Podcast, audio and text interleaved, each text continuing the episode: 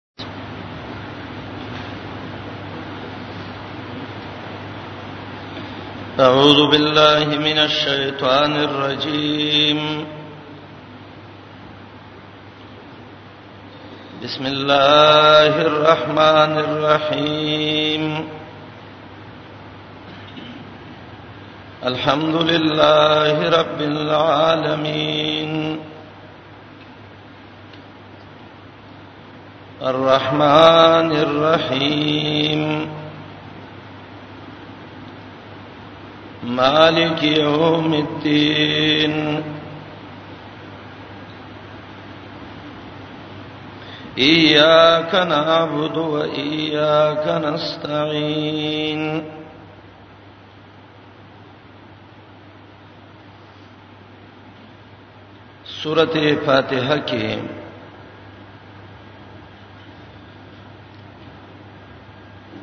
مخکینو درسونو کې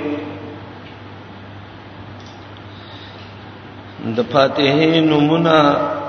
او فضائل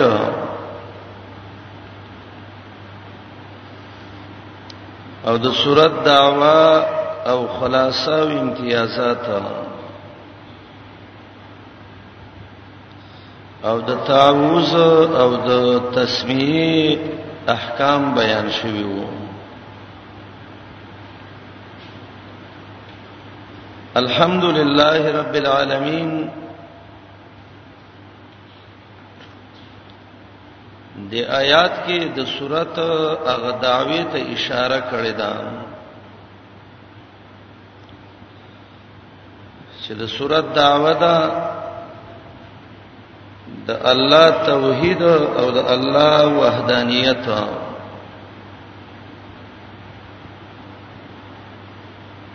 ذکر لله کې د اولوہیت د الله ته اشاره کړې ده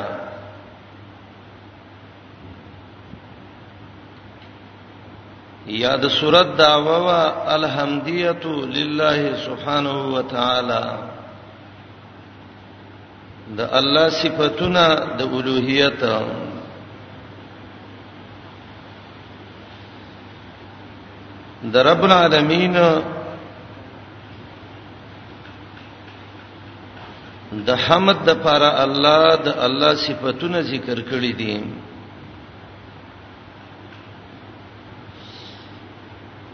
الله دې الہ رب العالمین دې رب دې رحمان دې د رحمتونو والا دې عمومي رحمتونه او رحیم دې الله د خاص رحمتونو والا دې مالک یوم الدین مالک دې د ورځې د جزا او د حساب چې هغه قیامت ده د توحید دعوه ده مبرهنه په پنځو دلایل باندې اولوہیت ربوبیت رحمانیت رحیمیت مالکیت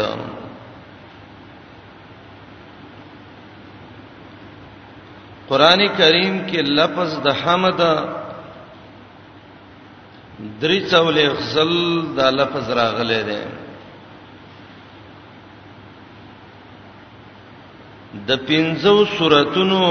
په اول کې دا جمله الحمدلله ذکر شوې ده سورۃ الفاتحه سورۃ انعام سورۃ کهف سبا فاطر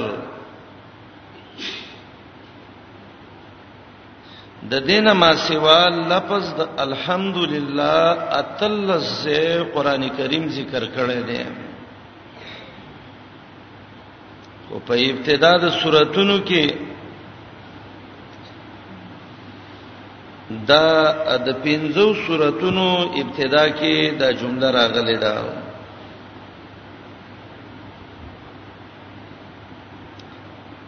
الحمدلله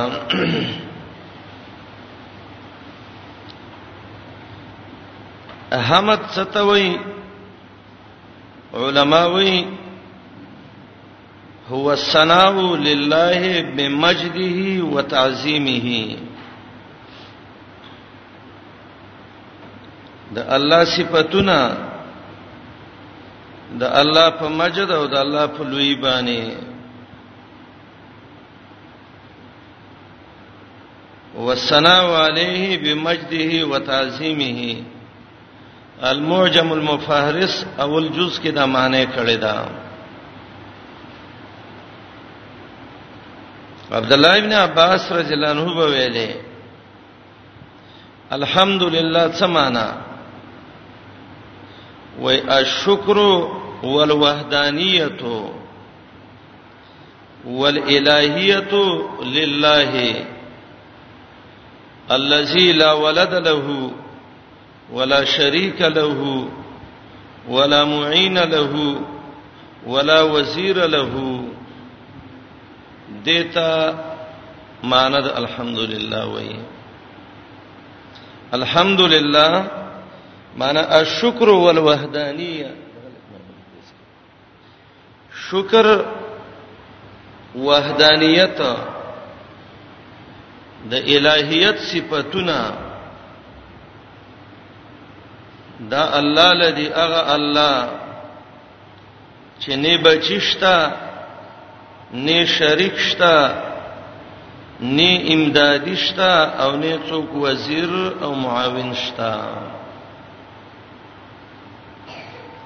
هو الشکر والوحدانیت والالهیت لله الذي لا ولد له ولا شريك له ولا معين له ولا وزير له دا معنا عبد الله بن عباس رضی الله عنهما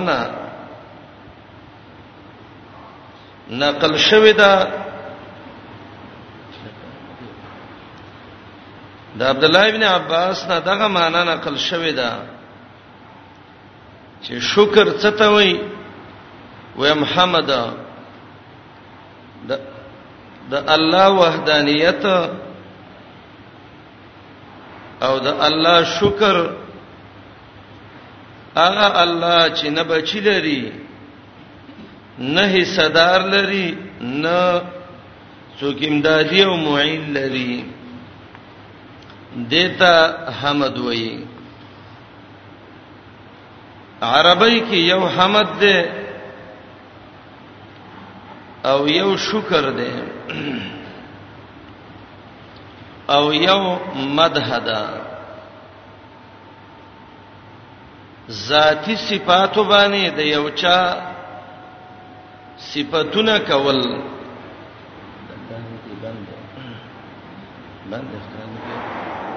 ذاتی کمالات باندې د یو چا صفاتونه کول چې یو انسان کې یو ذات کې ذاتی کمال پروتي نو دې ته ویل کېږي حمد شکر څه ته وایي د یو چا صفاتونه کول په مقابله د نعمت کې تابان یو احسان وک تداغه بدله ورکې کشاب کې به زمخشری وای درې طریقو باندې و شکر راځي کله زړه باندې کله جبه باندې او کله اندامونو باندې یو چا د باندې نعمت وکاو تا ته زړه کې دوا وکړه چې الله دې کامیاب کا په خلی دی ویلې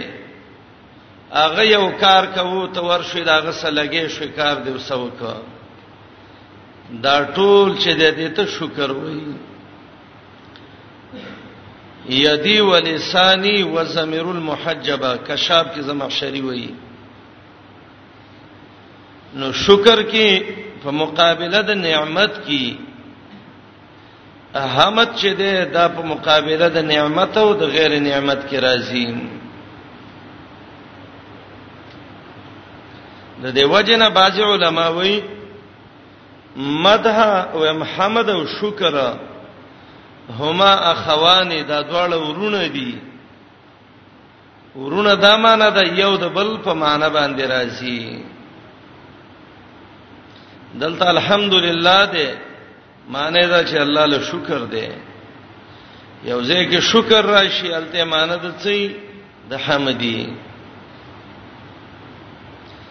دریم مدح ده عربی کې مدح د جمادات او د غیر جمادات د دواړو کیږي یو چا کې چې روحي دا غي د پرم لفظ د مدح مستعمليږي او چا کې چې روح نه نو دا غي د پاره مستعمليږي تاسو مشهور مثال ویلې ده مدحت اللؤلؤ د ملغلل مدح مې وکړه یعنی علی صفائها خمه صفا کړي روخانه مې کړي د مدح ده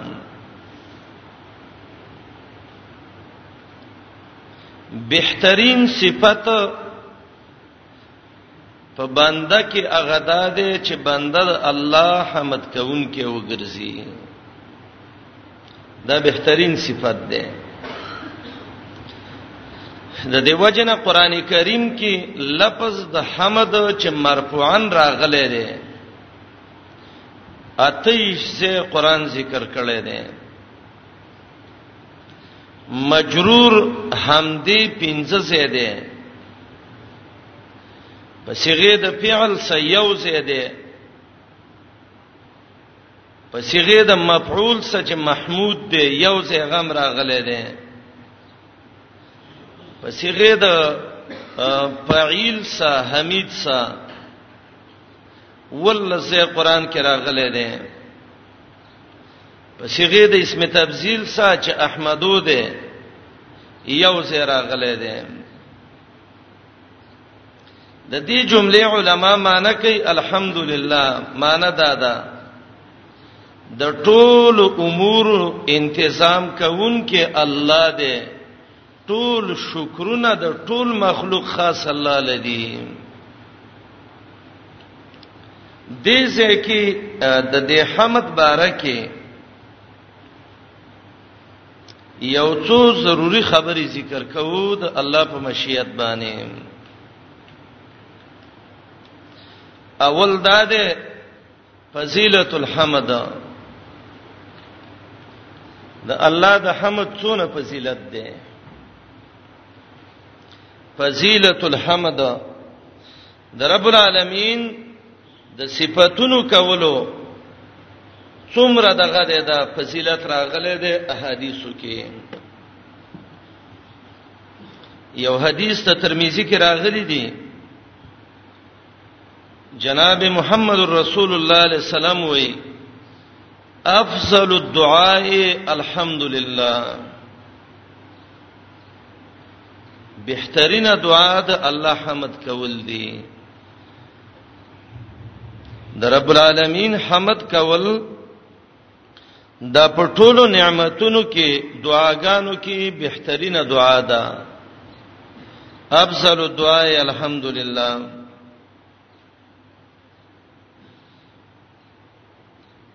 امام ابن کثیر د عمر رضی الله عنه یو روایت راو ذکر کړی دی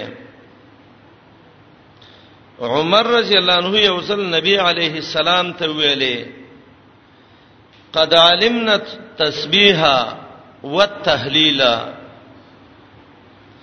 یا رسول الله تسبیح مو په جاندل چې سبحان الله دا تحلیلم په جاندل دی چې لا اله الا الله دی فمل حمد دا د الله حمد څه ته وایي د الله حمد څه شه دی محمد رسول الله مونږ خو تسبیح په جاندلې ده محمد رسول الله تحلیلم په جاندلې ده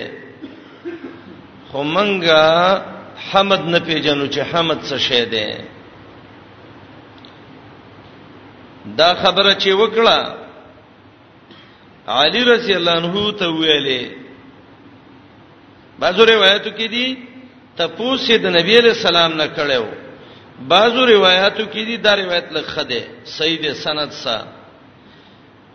چې عمر ویلې چې موږ د سبحان الله او په جاندلا تحلیل لا اله الا الله مو په جاند خو موږ د حمد ونه پیژاند چې د حمد څه شی دی علی رضی الله عنه ناسو ته ویلې کلمتون رضیه الله لنفسه دا د څه کلمه ده چې الله ځان له غوړه کړی ده کلمتون رضیه الله لنفسه امام ابن کثیر دا روایت ذکر کړی دی عبد الله ابن عباس رضی الله عنه به ویلي حمد څه شی دی د الله وای کلمت کل شاکرینا کلمه د هر شکر گزار ده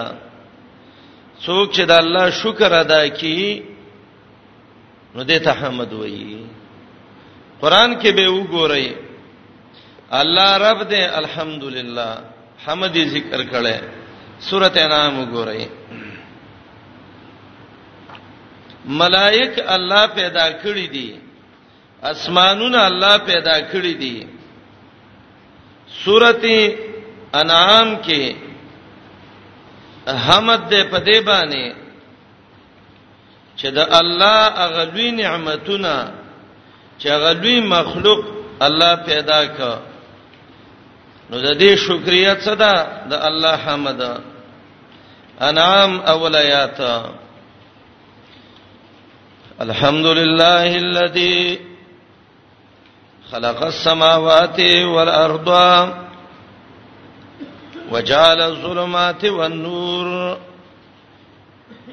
الله له حمدونه دي اسمانونه پیدا کړی دي الله له حمدونه دي زمکه پیدا کړی الله له حمدونه دي تورتمونه ورناګانی پیدا کړی دي دا دوی شینا الله پیدا کړ او الحمدلله د الله عظیم نعمت چې قران کریم دی قران کریم الله را ولېګ د الله حمد ادا کا رب العالمین توفیق درک قران ته کې ناشته نا شکر نشه د الله حمد ادا کا سورته کهف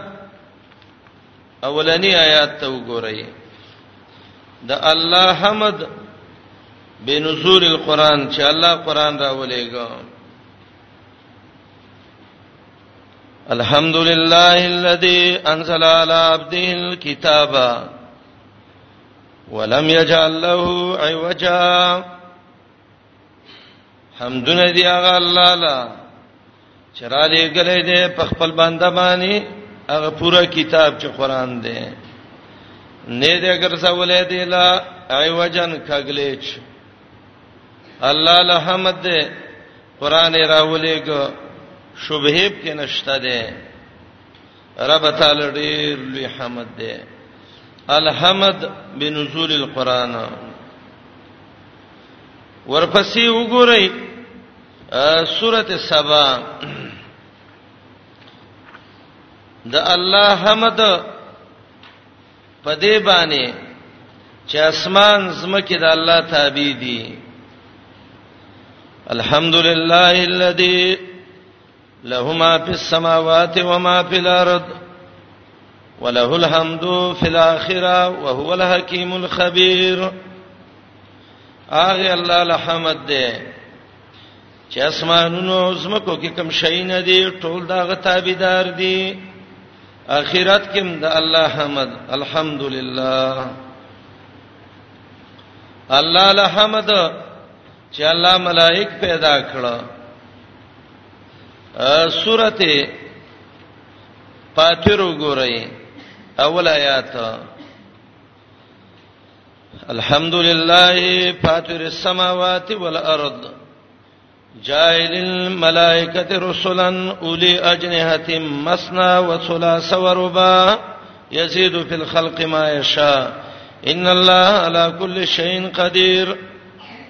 اغه الله الحمد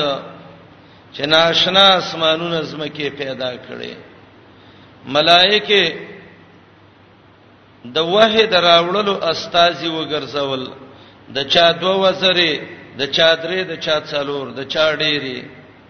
حدیث کې راځي جبريل محمد رسول الله لیدلو شپږ سو وزره وي د اسمان کناري باندې کړې وي یزيد فی الخلق ما یشاء ان الله على كل شيء قدير بشک الله په هر شي قدرتناک دی د رب العالمین قدرتونه ډیر دي سليمان او داوود علیه السلام دی الله له حکومت ورکړی دی دواړه وی الحمدلله الله لحمد ده د بابا ابراهیم بچی نه کېدل یو سل شل کال عمر یو خزا چېوا یو کم سل کال عمر جنای و بډاو بډایو بچی نه کېدل رب العالمین ول بچی ور کړه زوی دی وشه علاج د ابراهیم نه یاد کا ابراهیم دعا کوي سورته ابراهیم کې الحمدلله الذي وهب لي على الكبر اسماعيل واسحاق اغه الله الحمد چې زه بډاو ما خزه مې بډای و د اسماعیل او د اسحاق باندې بچی راکړه بچی دې پیدا شو الحمدلله الله تعالی حمد دې کافر تباش دشمن غرق شو نوح علی السلام د الله شکر وباسي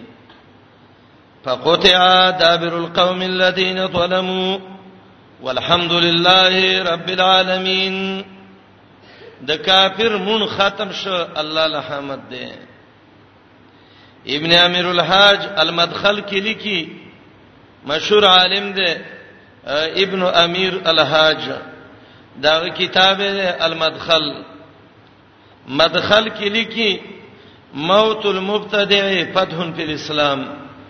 بدعتي مرشه اسلام کې فتح رااله ان لله مو او الحمدلله یو شی د مخ نه لري شخه موت المبتدع فتح فی الاسلام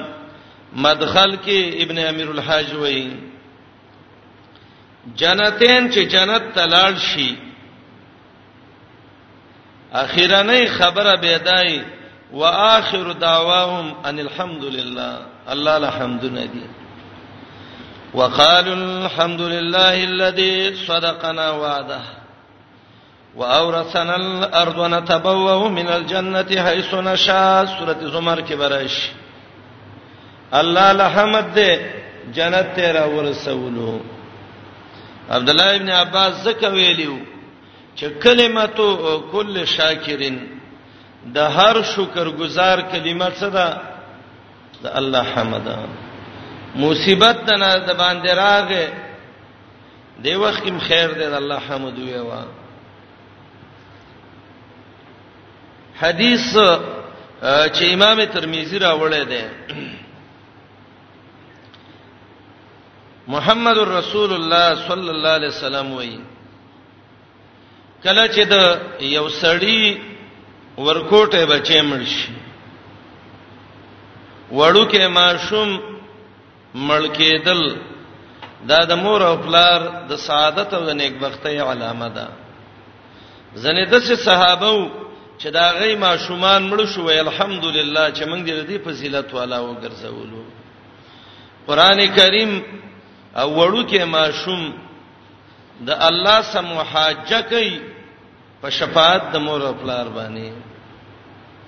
دو بچی د چامړو شو محمد رسول الله وی داول شفاعت کوي یومل شو وی کوي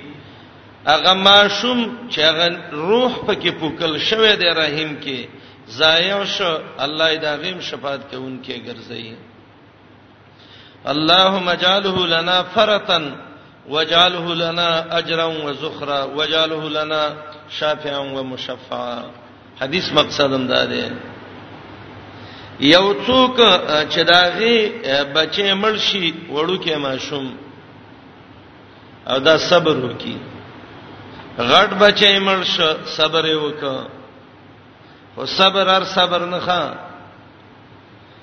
صبر عند الصدمه الاولى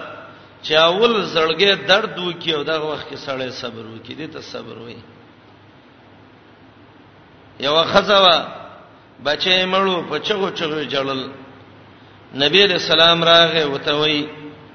صبر وکا دا ثواب وګڼه اړیره کم عقل وا وتوي الیک عني لریشا تا ته دا مصیبت نه درسیدلې رسول الله علیه السلام ته وی ځکه څه کې کاوه ځان استړې ک په جړا باندې اخر کې رااله نبی علیہ السلام ته وی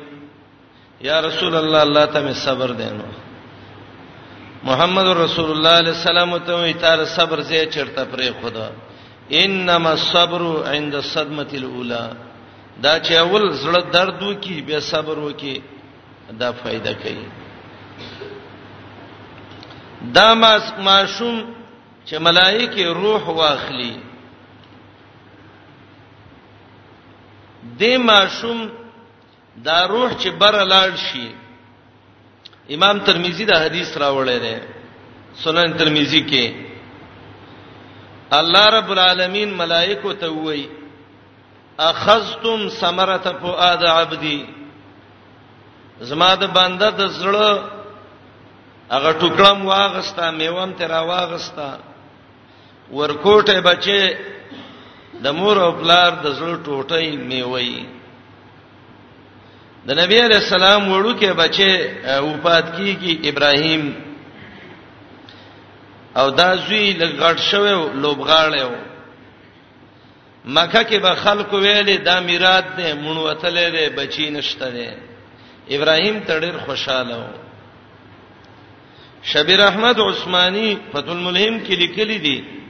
چې اتم کالو د نبوت سحر اتنیمه یا لس بجې وي جمعات کې محمد رسول الله ناس دی استاد راغه ابراهيم وفات کیږي مرز یې راش جناب محمد رسول الله چراغ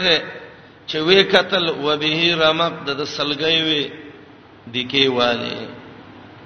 پراخ کته ش دواړه مخ باندې خپل کا او ته ویل و ان لبفراقک محزونون یا ابراهیم بچیا یقینا ابراهیم په جدائی دې ډیر غمجن شوما سترګو نه وښ کېم لاړې یقینا د زړه میوه د ورکوټه بچي الله ته وای اخذتم ثمرته په آداب دی زما د زړه هغه میوه د بندم واغستا وای او وای حالت څنګه وو نو ملائکه ته وی الله چې ورلو اتیناهم وهم یحمدونک الله ستاسو په تونه کول او رب چې پریم خودل نو بهم است ما بنده پرېدا بهم است صفاتونه کول الله ورغلیو حمد بیانو الله چې مونږ ته د ماشوم روح راواغس به محمد بیانو الله دې د سپلار او مور منګو تاسو وګرځي او دا چې بچي مل شي او د سټیپ شانې خپل وازه کړي او رمباړي وي او مخ ډبي او غریوانونه شلي او د جهالت کلمې وي محمد رسول الله علیه السلام وي زما امتی نه ده یا به يهودي او یا به نصراني او یا به بل کافری ليس منا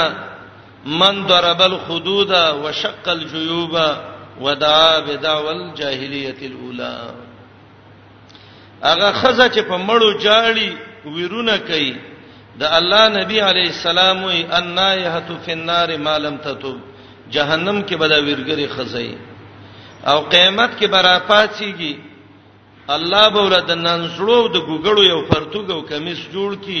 یو وروا به غوندی وتا امام قرطبي یو روایت راوړی دی چې هغه خزه چې په مړو باندې جړا کوي او چغي وي قیامت کې الله به ول د لنګو سپو شکل ورکی او یو بل ته به ودرولي 50 سره کال ورځ د یو بل ته بغافي مسلمانانې خزي باید چې داونه کی غم وشه زړه خامخا درکې سترګو نه وښ کتل دا ګنا نه ده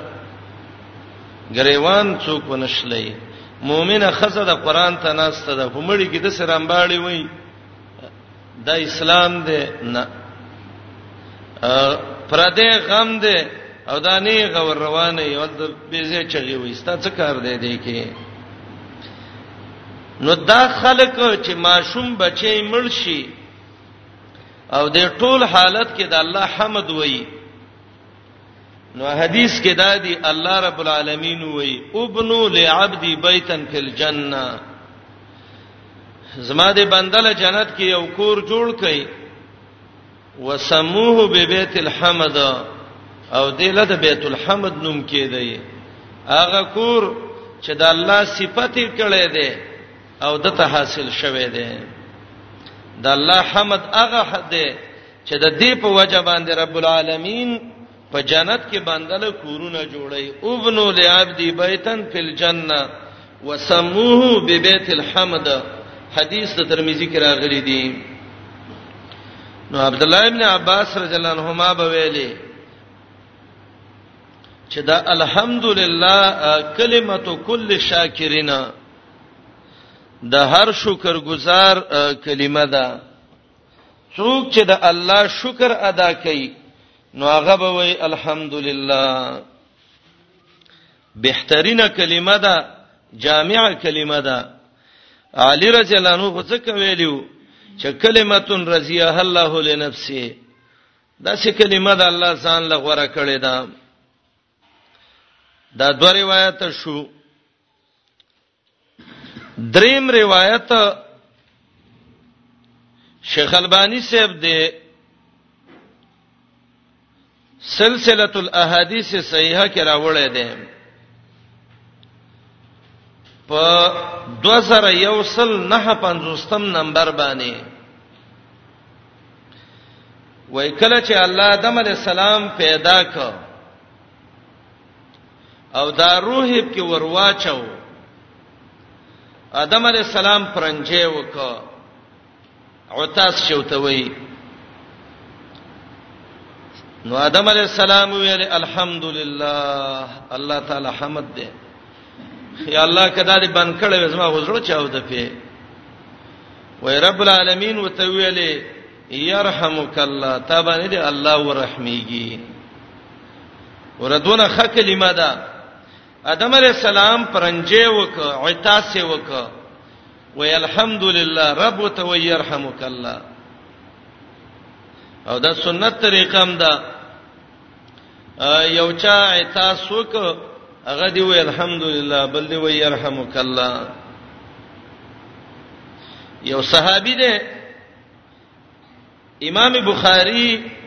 الادب المفرد کې دا روایت راوړی دی امام حاکم مستدرک کې راوړی دی بسند صحیح سند بالکل صحیح دی یو صحابي او دا غنوم دی اسود ابن سریع رضی الله عنه اسود ابن سوره رضی الله عنه محمد رسول الله لراغه اسلام راوړ او دا اسود ابن سوره شاعرو نو نبی علیه السلام ته وی تا چې اسلام نو راوړې څه کار دی کوو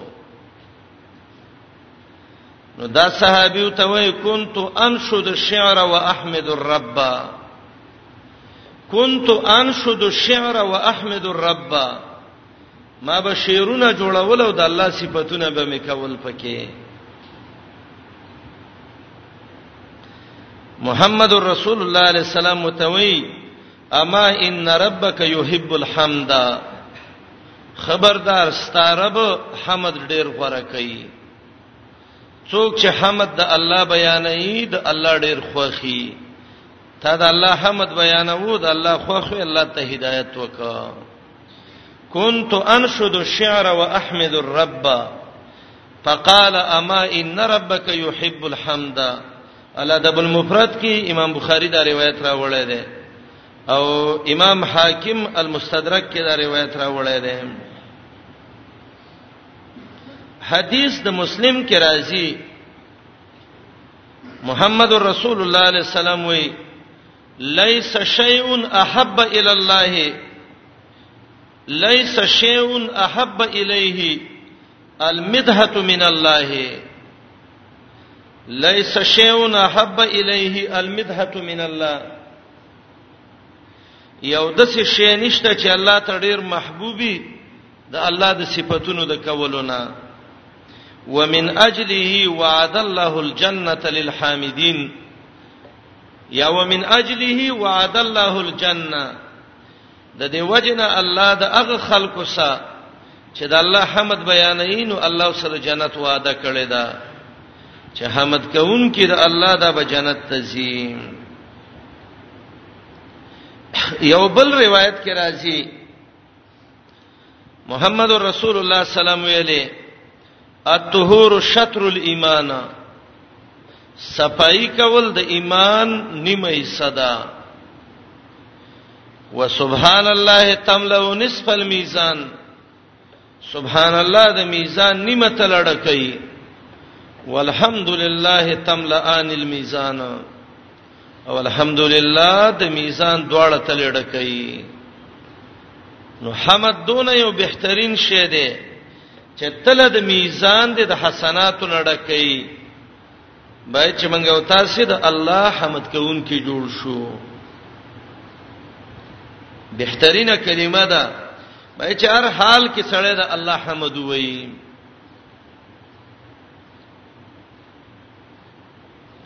محمد رسول الله علیه السلام به دعا کوله اللهم انفعني بما اللهم علمني ما ينفعني وانفعني بما علمتني وزدني علما والحمد لله على كل حالنا اللهم علمني ما ينفعني یا الله د سي علم راکې چې الله ماته فایده رسي وانفانی بما علمتنی الله چې کوم علم دې راکړې ما ته په فائدہ راکې وزدنی علم الله علم می زیات کې او الحمدلله علی کل حال هر حالت کې د الله حمد ده دا دعا وی خدوا ده اللهم علمني ما ينفعني وانفعني بما علمتني وزدني علما والحمد لله على كل حال حدیث د ابو هريره رضی الله عنه کې راغلي دي امام بخاری درې ځای دا روایت راوړی دی الجامع کې اخیرنه حدیث د امام بخاری دی محمد رسول الله علیه السلام وایي کلمتان حبیبتان الی الرحمن ثقيلتان في الميزان خفيفتان على اللسان سبحان الله وبحمده سبحان الله العظیم دو کلمې دي الله تعالی محبوب دي حبیبتان فاعلتان فاعل په معنی د مفعول سره حبیب په معنی د محبوب سره کلمتان حبیبتان الی الرحمن الله ته ډېر محبوب دي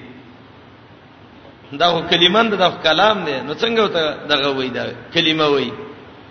تاسو بالفیه کې ویلي وکلمه بها کلام قد یؤم کله کله کلمه په معنی څه سره راځي د کلام سره راځي او دویم دا چې یو کلمه نحوی ده یو شعری ده او یو کلمه شرعی ده دا شرعی کلمه ده د ابن حاجب د کلمه ده چې لفظ وزیال مانن مفردن هغه جدا خبرې دي دوه کلمې دي الله ته ډېر محبوب دي او فائدې دا ده ثقيلتان په میزان تل د میزان ډېر خضر نه وي خفيفتان علی اللسان چې به باندې ډېر په اسانه ادا کیږي دا دوه کلمې څکمې دي سبحان الله وبحمده سبحان الله العظیم باید چې دا سره ډیر وای سل کرته به محمد رسول الله سار ویلي سل کرته به ما خام ویلي سبحان الله وبحمده سبحان الله وبحمده سبحان الله وبحمده قران کریم ختميږي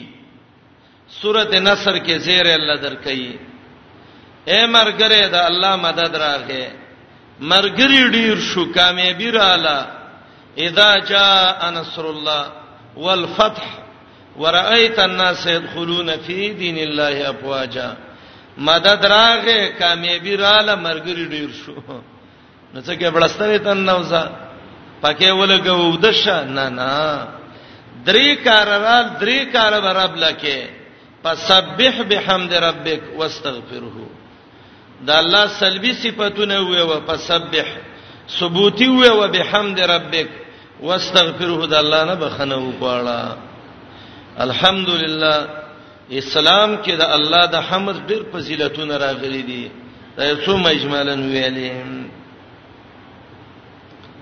د حمد شرایط علما د حمد درې شرطونه ذکر کړي چې سره د الله حمد بیانوي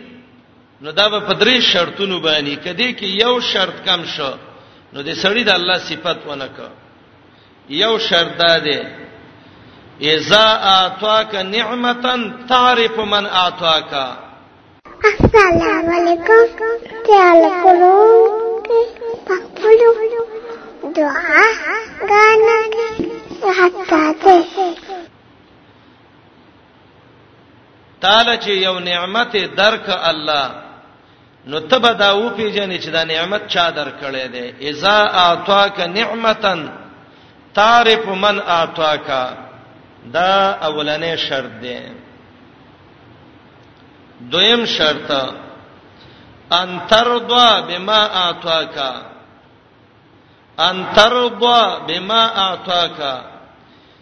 کوم شی چې الله درکړې ده ته په د الله نه خوشاله شي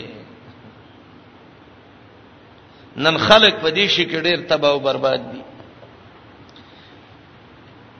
ډوړی به وخري خډيره د سې دسترخوان به وای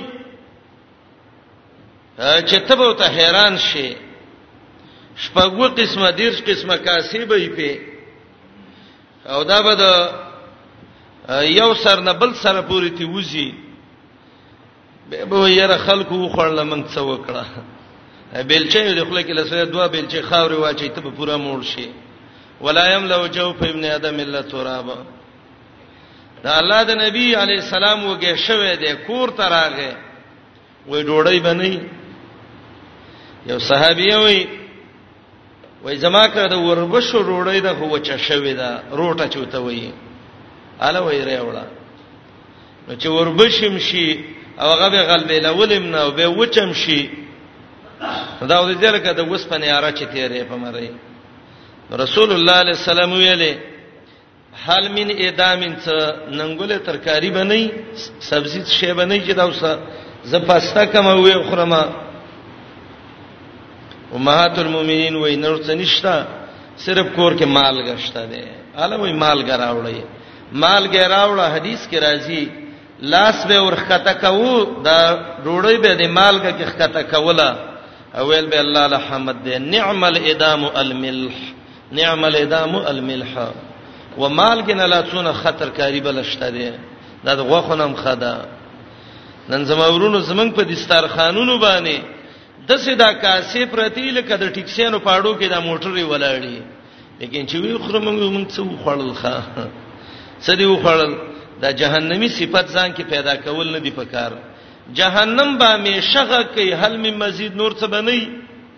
جنتی خوې پیدا ک ولدینا مزید دا ډیر دی الله ډیر راکړي نورم شته دی نو شرط دا دی ان ترضا بما اعطاک دلته یو کمیونست یو پنځه کاله مخ کې ما ته ول ما باندې الله څه احسان کړی دی وای ما دا کنه شکر مکه و بیا خپل کېګم وینه نه مال سره کړی خلکو له پیسې ورکړي مله راځه حساب کو صحیح ده وای څه مله چې سب څو ځامن دي بیت الله دې ملیدلې ده وای و ځامن دي مله ورکوټه زوی په 100 روپۍ خرڅه قیمت پکړه وسله بچا خرڅومه په یو لا کې ورکه وینا 50 لاک باندې مله زوی ورکه چې بچا یې خرڅ کم وینا مله زه ووله اوس 500 کې زر ورکه چې الله 100 کروڑ روپۍ لدر کړی دي دا د سر دا ویخته دي د اخبارونو کې دي لنډاګان لدا یختګ دي یو ویخته 15 روپۍ باندې دي ته سر ویخته وخره وا او به تشمار کا چې دا څونه دي ابل 15 لس کې ضرب ورکا او دا فرق یو کې چې هغه مصنوعي دي او دا رب العالمین صحیح جوړ کړی دي ان ترضا بما اعطاکا ګډی نه تاسو کلوې نعمت څه ده یره خسته لا سوخ پی ړون نه تاسو کلوې نعمت څه ده سترګې چاړه ته ویلوې نعمت څه ده جبه ته اشاره کوي کون ته ویلوې نعمت څه ده غوګونه هلېونه چې جامې شلې دغه حالت ته وګوره ان ترضى بما اعطاك دا د الله حمد دی دا به بیانې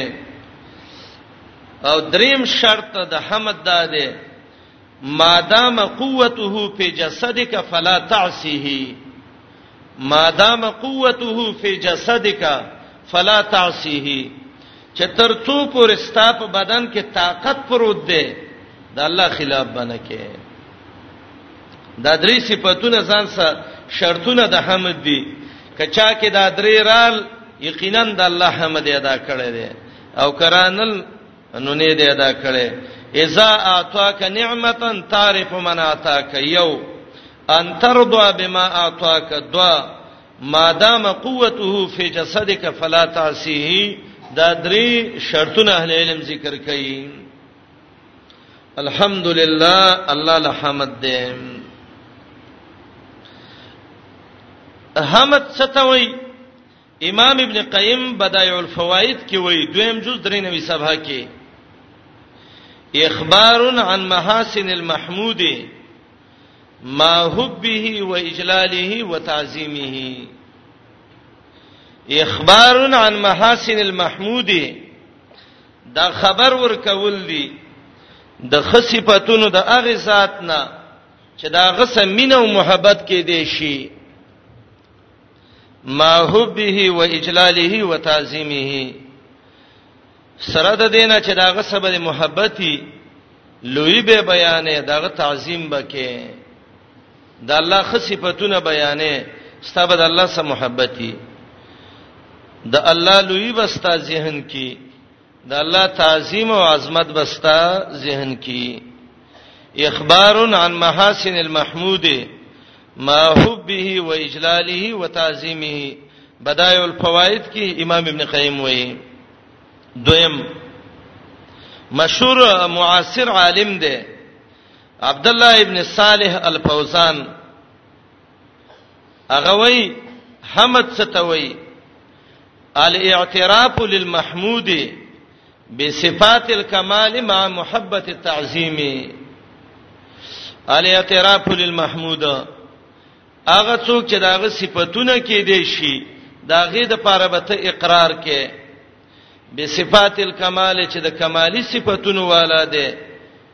مع محبت و تعظیم محبت به دی وسی او داغه عزت به دی ذهن کی الاعتراف للمحمود بصفات الكمال مع محبت و تعظیمنا د دا, دا قول کتاب دې دلیل السالک الی الفیه ابن مالک الفیه باندې او شرح لیکل دا مشهور عالم جمال الدین قاسمی د تفسیر قاسمی والا هغه خپل تفسیر کې لیکي د دې آیات لاندې وای دا قران د حمد نشرو کا وای ولی وای فالحمد اوسع الصفات واعم المدائه دا الله په صفاتونو کې دا حمد ډیر پراخه صفت ده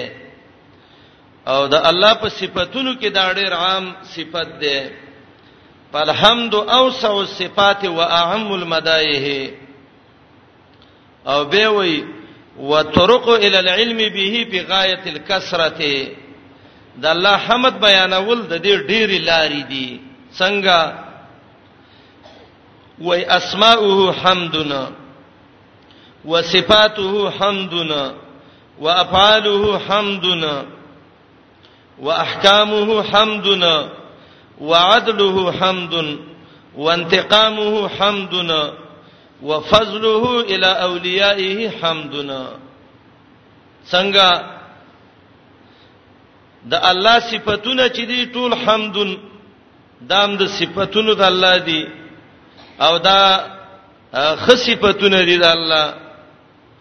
د الله افعالم د صفت وړل دي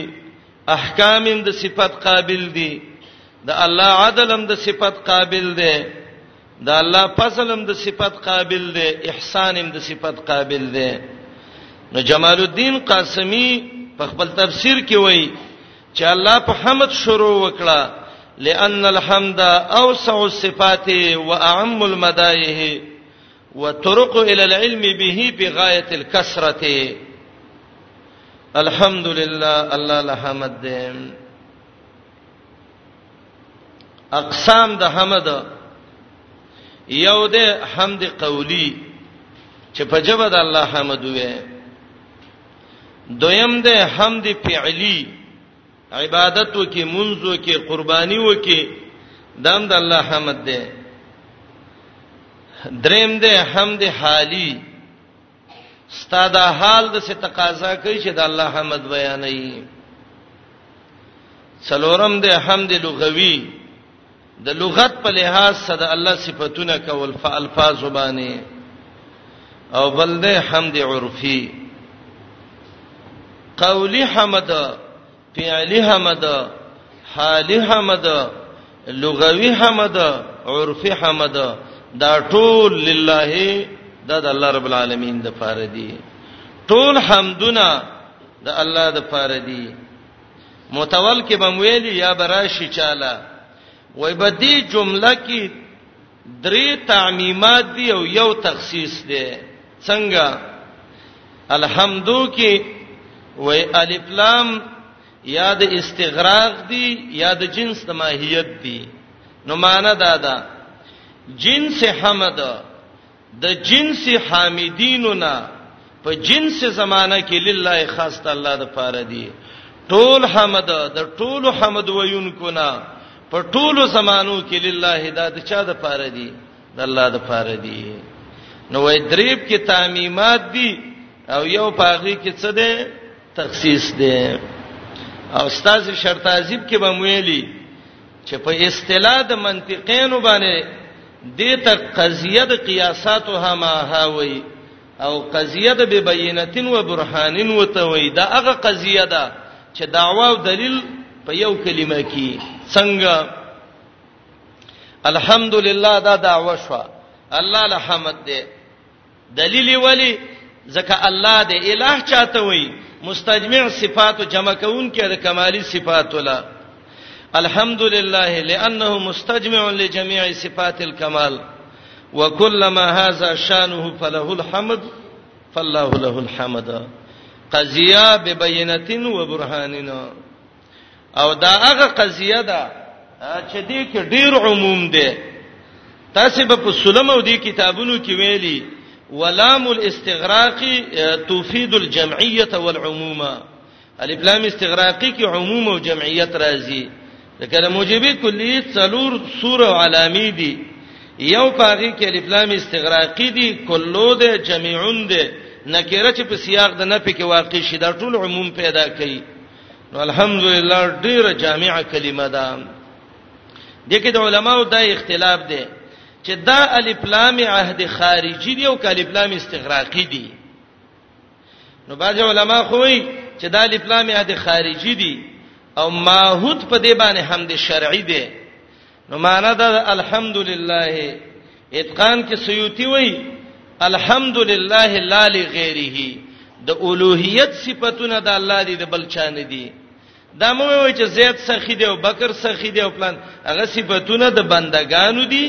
دا ماحود لام دی چې د صفات د اولوہیت ویل کیږي لله دار چا د پاره دی د الله د پاره دی او دویمه خبره او ان شاء الله د الله په مشیت باندې دا خبره به ډیره غوړی د دلیل د لحاظ سره چې الحمدلله کې دا لام د استغراق د پاره دی استغراق کې دا قاعده ده چې عموم د افرادو ته اشاره کوي نو معنا دا الحمدلله ټول د اولوہیت صفاتونه د ټولو صفات کوونکو نه په ټوله زمانہ کې د الله د پاره دی او دلیل په دې باندې غو حدیث ده د الله نبی علی السلام به دعا کوله اللهم لك الحمد كله ولك الملك كله الله ټول صفاتونه ستادي او الله ټول بادشاہي رب العالمین ستاده حمد د الله غ ستودن صفت کولو ته ویل کیږي لله د لام کې یا لام تخصیصی ده دغه صفاتونه د اولوہیت خاص دی الله رب العالمین پورې لله خاص دی الله رب العالمین پورې دا د بنده نه دی دا د الله رب العالمین دی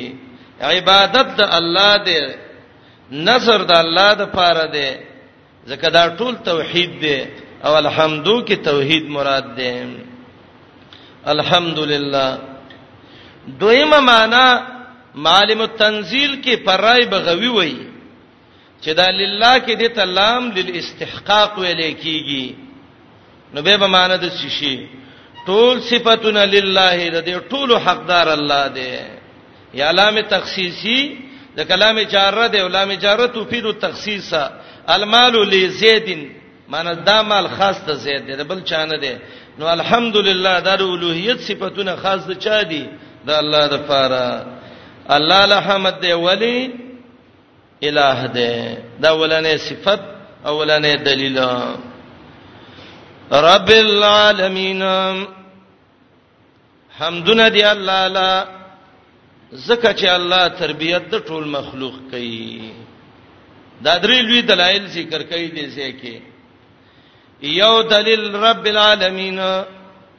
دویم دلیل الرحمن الرحیم دریم دلیل مالک یوم الدین درې دلیلونه وجه دا د ورونی انسان باندې درې حالت راځي څو حالت پر راځي درې حالت د ماشوموالي حالت د ځواني حالت اخیره د بډاوالی رب العالمین انسان استا په واړو کوالی کې تربیت چا وک الله انسان ځوان شي ماشوم خپو کې د طاقت منډه به دی والی ځوان شي طاقت راته سینې ته راورسېده په خپل مټو مدو کا کېږي چې سینې لغرب ورکې او مټې ښکارا کې چې هم چومندګرې نه زما پښنه بل پهلوان څوک دی نه نه د سرب شته چې هغه رحمان او رحیم دی خو ګره قهارم دی و به دې نسیته به خلاصې دی نه شي بوډا شوی او طاقت روان ولال خله ته ورسېدا به کچر غلوسی هم کنځلې ورپسې کوي د بډاو بډای خله کې کنځلې که څوک ټوخه کوي هم د ردی بدی وای نه نه مالک یوم الدین یو مالک دې په سر شتا غو نه یره تربیت رحمانیت مالکیت دا درې واړه دلایل دي دا رب العالمین چې دې دا حقیقت کې ورونو صفت ده د الله د پاره ځکه ربي د دې وجه نه راوړې ده او تاسو به کتابونو کې دا ویلي چې دا قانون ده چې صفت په حقیقت کې دا دلیل د موصوفي او دا علت د موصوف د پاره یې الله له حمد دی ولی زکه تربیته لکړې ده کنه رب لا حمد ده ځکه رب تربيت کوي لفظ د رب قران کریم کې دا اتاتی ازل ذکر شوه دی ندا چې سراغله د رب یا رب دا وش په ته سراغله دی کافی خطابی سره ربکا 222 زیر راغلی دی تسنیه چې سيوزه شوی دا ربکما دا درې درځه قران کې راغلی دی ربکم دا قران کریم کې نل لسه راغلی دی ربنا یوصل او لسه ربه چې د مفرد ضمیر د رب سره لګیدل شپږ ویازل